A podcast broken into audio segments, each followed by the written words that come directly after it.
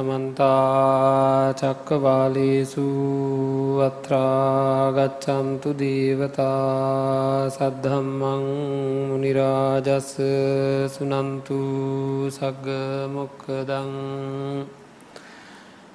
ධම්ම සවන කාලු අයං භදන්තා ධම්ම සවන කාලු අයං භදන්තා ධම්මස්සවන කාලු අයං භදන්තා සාධූ සාධූ සාධූ නමෝතස්ස භගවතු වරහතු සම්මා සම්බුද්ධස්ස නමෝතස්ස භගවතු වරහතු සම්මා සම්බුද්ධස්ස නමෝතස්ස භගවතු වරහතු සම්මා සම්බුද්ධස්ස සාධූ සාධූ සාධූ ඉතිකෝ චුන්ද දේසිතෝ මයා සල්ලේක පරියායෝ දේසිතෝ චිත්තුප්පාද පරියායෝ දේසිතෝ පරික්කමන පරියායෝ දේසිතෝ පරිභාග පරියායෝ දේසිතෝ පරිනිබ්භාන පරියායෝති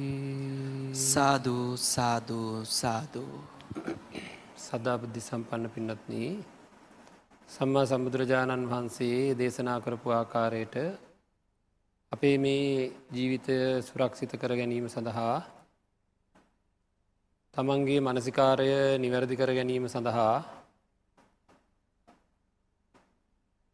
අපේ සිත සකස් කර ගැනීමේ වැඩ පිළිවෙල තේරුම් ගණ්ඩෝනෑ අපේ සිත තේරුම් ගණ්ඩෝනෑ සිතේ සිතුවිලි ඇතිවෙන ආකාරය තේරුම් ගණ්ඩෝනෑ ඒවා නැති කිරීම තේරුම් ගණ්ඩෝනෑ නැති කරන ක්‍රමවේදය තේරුම් ගණ්ඩෝනෑ එතකොට ත්‍රිපිටක ධර්මයට අනුව අපි කරුණු විමසල බලනකොට අපිට ඉතාම හොඳට කිසිීම අඩුවක් නැතුව අපේ සිත්වල තියෙන පීඩාකාරී තත්ත්වයන් ඇතිවෙන සිතේම නැගෙන අකුසල සිතුවිලි සම්පූර්ණයෙන් අයිංකරගණ්ඩ කරන්්ඩ ඕන දේ මොකක්ද කියලා ඉතාම පැහැදිලිව සඳහන් කරලා තියෙනවා. එකින් අපට ලොකු විශ්වාසයක් ඇතුව ධර්මය හදාරන්ඩ පුළුවන්කම තියෙනවා. ඒ රාමුවෙන් ඔබ්බට යෑමට අවශ්‍යතාවයක් ඇතිවෙන්නෙත් නැහැ. කරන කියන දේ අපි පිළියතක් විදිහට කරන කියන දේ ඒ ආකාරයටම කරද්දී දැනගෙනම ඒ ආකාරයට දේශනා කල තින ආකාරයට සිද්ධ කරන කෙනෙකුට ඒක දැනගෙනම කරන්න පුළුවන්කමත් තියෙන මේ දේ කරොත් මෙන්න මේ දේ වෙනවා මේ දේ කරොත් මේ දේ වෙනවා කියලා. අන්න එහෙම තියෙන ක්‍රමවේදයන් පහක් දේශනා කරලා තියෙන සූත්‍ර ධර්මයක් තමයි සල්ලේක් සූත්‍රය ඒ ඇන ක්‍රම එකම ක්‍රමය තමයි ඒක තුළ තියෙන පරියාය ධර්මයන් පහක් තියෙනවා කෙලෙස් ධර්මයන් අයිංකර ගැනීමේ. අපේ චිත්ත සන්තානයේ උපදින සියලූම කෙලෙස් ධර්මයන් නැතිකර ගැනීම සඳහා කරන්න ඕන දේවල් සන්ධි පහක් කියලා සියන එක කියන්නේ ආකාර අකුසල වේගයන් හතලිස් හතරක් නැතිකරගන්න ආකාර ධර්ම පහක් අපි ඒක පැහැදිලි කරා. ඉතින්ගේ හතලිස් සතරෙන් අපි යම් ප්‍රමාණයක් සාකච්ඡා කරා පසුගිය ධර්ම දේශනාවලදී දැන් අද දවසේ අපිට එක ඉතිරි කොටස සාකච්ඡා කරන්නයි තියෙන්නේ මේ සූත්‍ර ධර්මය තියෙන්නේ මජ්්‍යම නිකායේ මූල පරියායේ පලවෙනි පන්නාසකේ මූල පන්නාසකේ මූල පරියාය වගේ අටවෙනි සූත්‍රය. ඉතින් කරුණු කාරණාව ඕන්නන් මේ සූත්‍රය පිළිබඳව ලියාගත යුතු දේවල් ඔන්න සූත්‍රය හොයාගෙන බලාගත්ත හැකි කරුණුවල තේරුමත් එක්ක. අපි මේක තේරුම් කර ගැනීමයි මේ සිද්ධ කරන්නේ. මෙහි තියෙන කාරණා හතලිස් හතරයේදී ඒ හතලිස් හතරේ ඉස්සෙල්ලාම කළ යුතු දේ. පටන්ගණ්ඩ ඕන වැඩේ.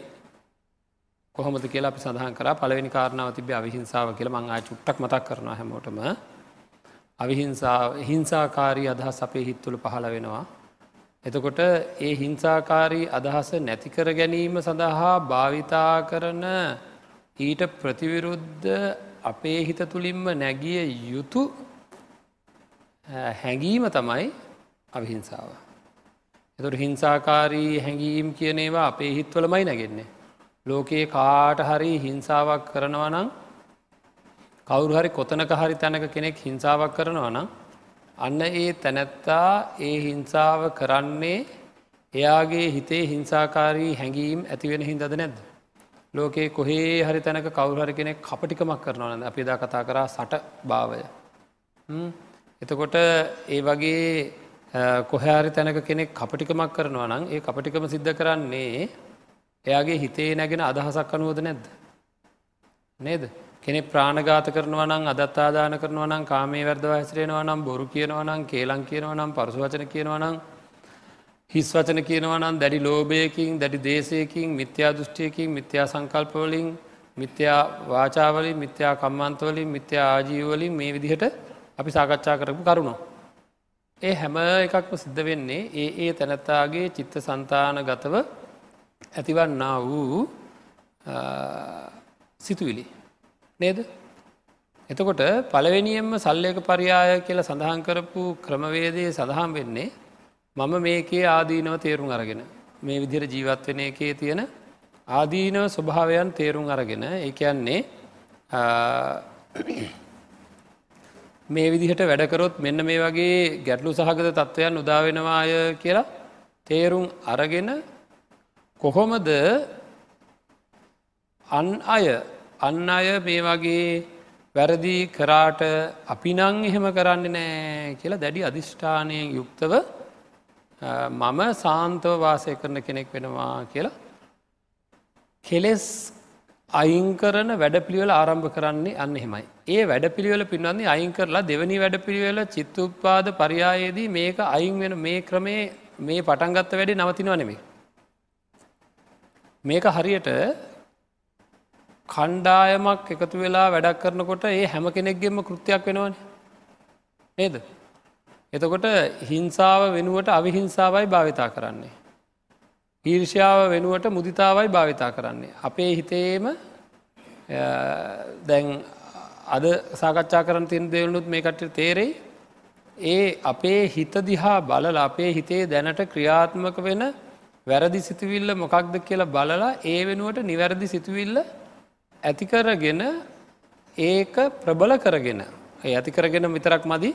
ඒක ප්‍රබල කරගන්න ඕන එක හොඳට වර්ධනය කරගන්න ඕනේ වර්ධනය කරගෙන ඊළඟට ඒක තුළින් තම අපි දැන් අවිහිංසාව කියන හිංසාකාරී අදහස කියන එක ආය අපේ හිත තුළ කවදාක්වත් නොනැගෙන මට්ටම දක්වා.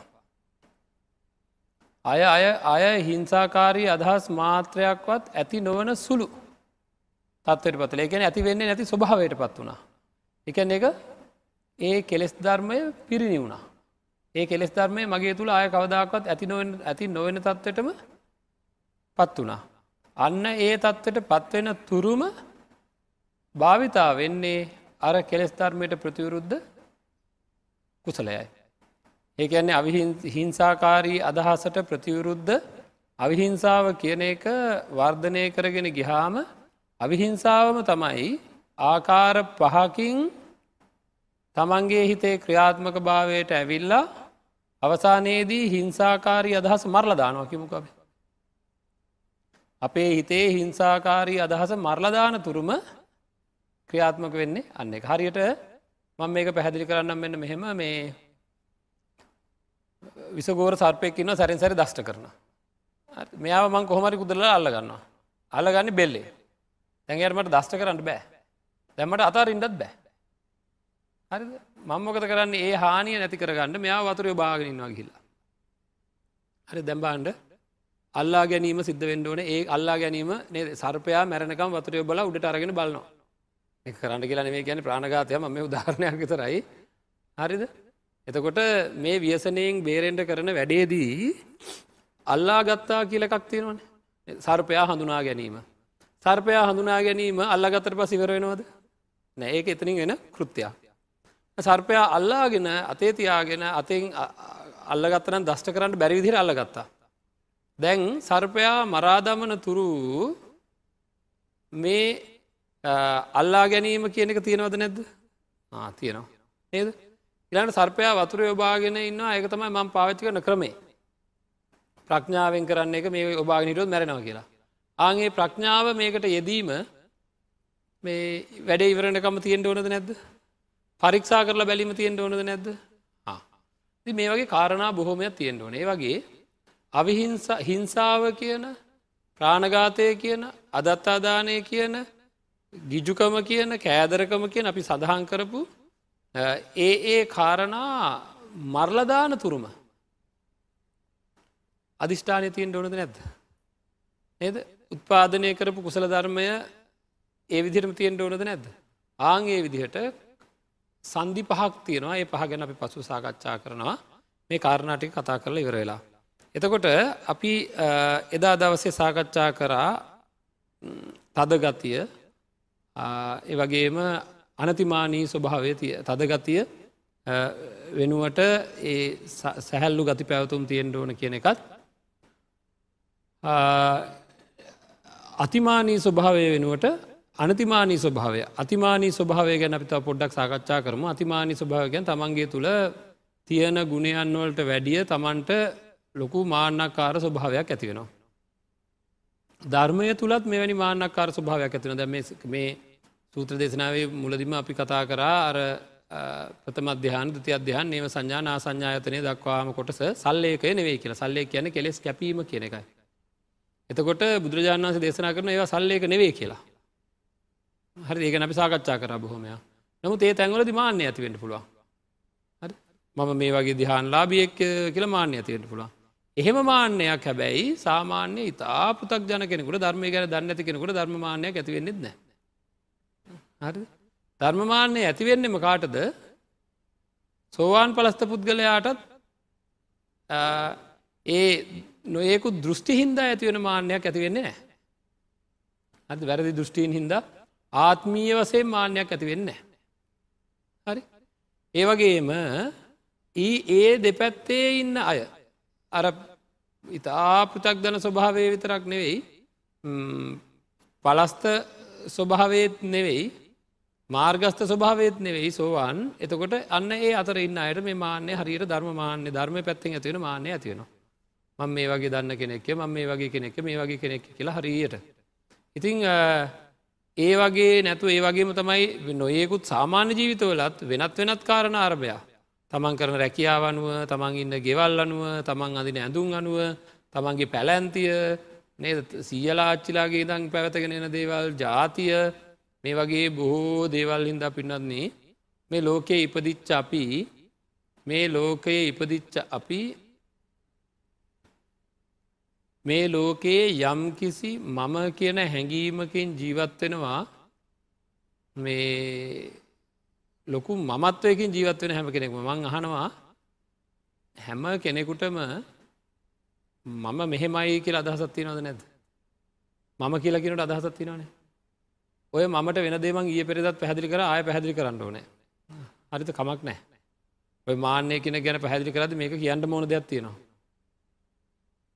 තමන්ට වැඩිය උගත් තමන්ට වැඩිය බලවත් දනවත් අපි මේ ලෝක මිනිසු මයින විදිහයට වැදගත් කියලකෙමුක අන්නේ වගේ පිරිසක් ඉස්සරහට යනවා. මට වඩා ඉහල පැලැන්තියේ පිරිසක් ඉස්සරහට යන මොනහරි කාරණාවක් උඩ. මම කොහොම දෙතකොට මම කියන කෙනගේ තත්වය කොහොම දෙතුර කොහොම දින්න නික නද? පැත්තකට වෙලා ඇකිලිලා වගේ ගෞරවයෙන් හරි පරිස්සමෙන් නේද?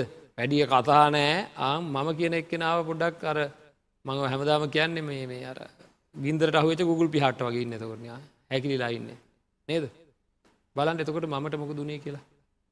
මම බොහොම පල්ලහැට වැටනනේ දෙතින් ඊළඟට දුබල අපිට වැඩිය හැම පැත්තෙම යම් කිසි ආකාරයක දුර්වල ස්වභාවයක් තියෙන මිල මුදල් පැත්තෙන් ධනවත් පැත්තෙන් බලවත් පැත්තෙන් හැම පැත්තෙම දුරල ස්වභාව ඇත්වෙන පිරිසක් ළඟට යනවා. එහෙම පිරිසක් ඉස්සරහට යන්න වුණා. දැන් කොහොද මම. මගේ ඇවිදීමත් වෙනස් වෙලා කතාකිරීමත් වෙනස් වෙලා හැම එකක්ම වෙනස් වෙලා මහාමුතු කෙනෙක් වෙලා. අර බලන්ටක මමට වෙනදේ හදිසිය. නේද. දැන් තේරෙනවද මේ මම කියලා හිතාගෙන ඉන්න සංකල්පනාව ඇැවිලේ වෙනස් වෙනවා කියලා. නේද. අන්න බලන්න මේ ලෝකේ මේ වටේ පිටේ තියෙන දේවල් වලින් තමයි මේ වටේ පිටේ තියෙන දේවල් වලින් තමයි මම කියන එක අපි හදාගෙන අපිට හැදිලා තියෙන එක සංකල්පයක්. ඒක හැම වෙලේම උඩ පල්ලෙහා යනවා. නේද? ඔහොම එකක් එක්ක නේද ජීවත් වෙන්නේ. ඉලට තැන්ගුන් තව හැමදාමහනකත්තින එකක් දැන් කල්පනා කරන්න මොකද මේ කල්පනා කල තියාගණ්ඩුවන මොකද එතකොට විදර්ශනා කරල මේ අයිංකර ගණ්ඩෝන දෙයක් ලබට පැදිලියන පින්නත්න ඒකද මේ මතක තියාගණ්ඩෝන අපි හැමෝම මම කියලා හිතාගෙනන්න විදිහත්තිනවා නේද? මම මේ වගේ කියලා. මං මේ වගේ කියලා හැබෝට අදහසත්තිරව නේද?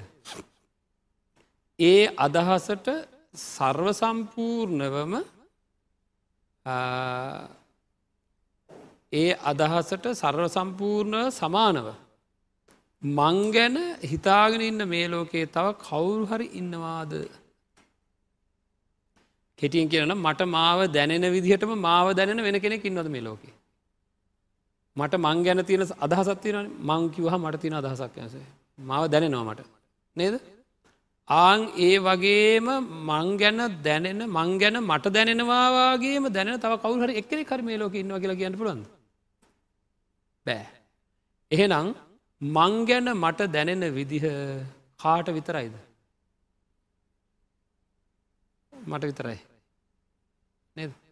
මැරණකං මේ මගේ කියල මම හදාගත්ත ලෝකේ මම කියලා ප්‍රතිරූපකයක් මට හැදිල ප්‍රතිරූපයක් හැදිලා සංකල්පයක් හැදිලා ඒ සංකල්පය තුළ මම තනියම ජීවත්වෙන.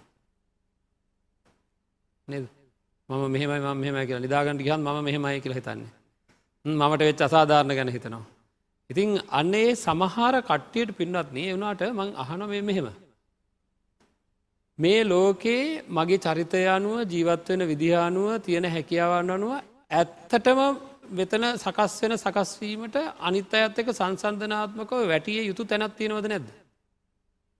අපිතම දුන්හින් දැල්ල කිව හම තවත් ඇල්ලක් එක ගත්ත හම ඒවා ජීවීයෙක් නොවනට ඒකට යම් කිසි ප්‍රමාණයක් තියෙනවා. ඒද හැඩයක් තියෙනවා. ලස්සනක් තියෙනවා. කලාත්මක බවත් තියෙනවා. ඒක සංසන්ධනාත්මකයි.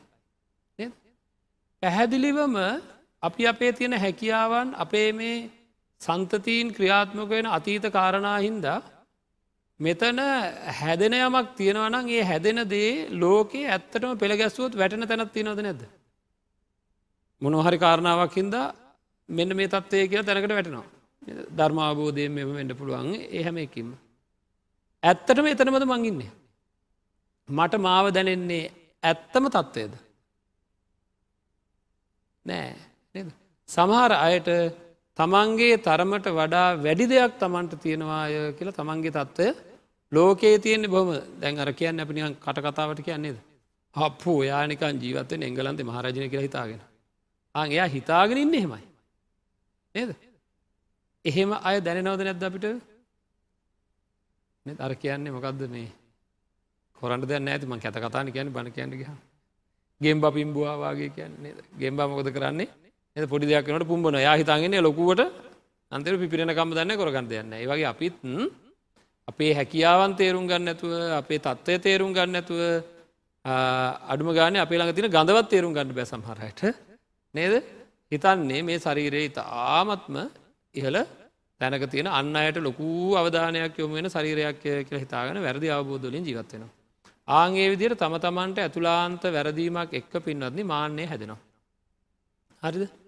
ආගේ මාන්‍යය හැදෙන ඇත්තෝ හැදෙනවා කියලා මන් දැනගෙන මොකද කරන්න ඕන පළවෙනි ක්‍රමවේදය තමයි මම මාන්‍යයෙන් තොරව ජීවත් වෙනවා මම පල්ලෙහාට වෙල්ල සැරියුත් හාමුදුරුව වගේ ජීවත් වෙනවා. හරිද මම පල්ලෙහාට වැටලා ජීවත් වෙනවා. මොකද මාන්‍යය කියන්නේ කෙලෙස් ධර්මයක් බොහෝ ලෝබදේශමෝහ ඇතිවෙන දෙයක් කියලා දැනගෙන මම මේකෙන් අතමිදිලා ජීවත් වෙනවාය කියලා පළවෙනියෙන් අපි සිහියෙන් වීරයෙන් අධිෂ්ඨානයෙන් හරිද තමන්ගේ ඇතුලාන්ත හයියකින් මේක ආරම්භ කරනවා. එයාතොට ජීවත්වෙන නිහතමානයම තමයි. නමුත් මෙතැනති භාවිතා කරපු පරියාය නිහතමානී සිතුවිල්ල ඉපදිලා නෙවෙයිමේ. හරි නිහතමාලී සිතුවිල්ල කියන්න ඊළඟ කාරණාව. කුසල උත්පාද පරියාය කුසලේ උත්පාදනය කරගන්න. ඒ ගැන එතකොට අර අතිමානී අදහස් වෙනකොට නිහතමානී අදහස වෙනුවට නිහතමානී අදහස එන්ඩ පටන් ගන්නවා.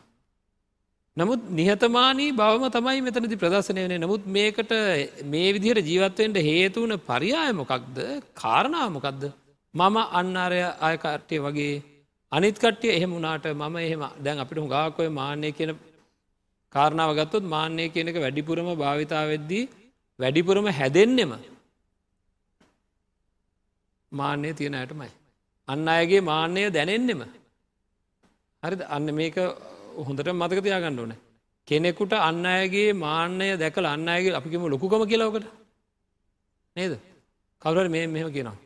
මට ඇත්තමයි අද උදේ එපා වුණා හරිද උදේම මේ කෙනා හම්බෙලාල් කියාගෙන කියාගෙන ගිය ලොකුකං ඇද හම්බුණොත් ලොකුකමමයි කියන්නේ කියලා මට රිදිලා. ලොකුකම කියනකොට රිදෙන්නේ ඇයි.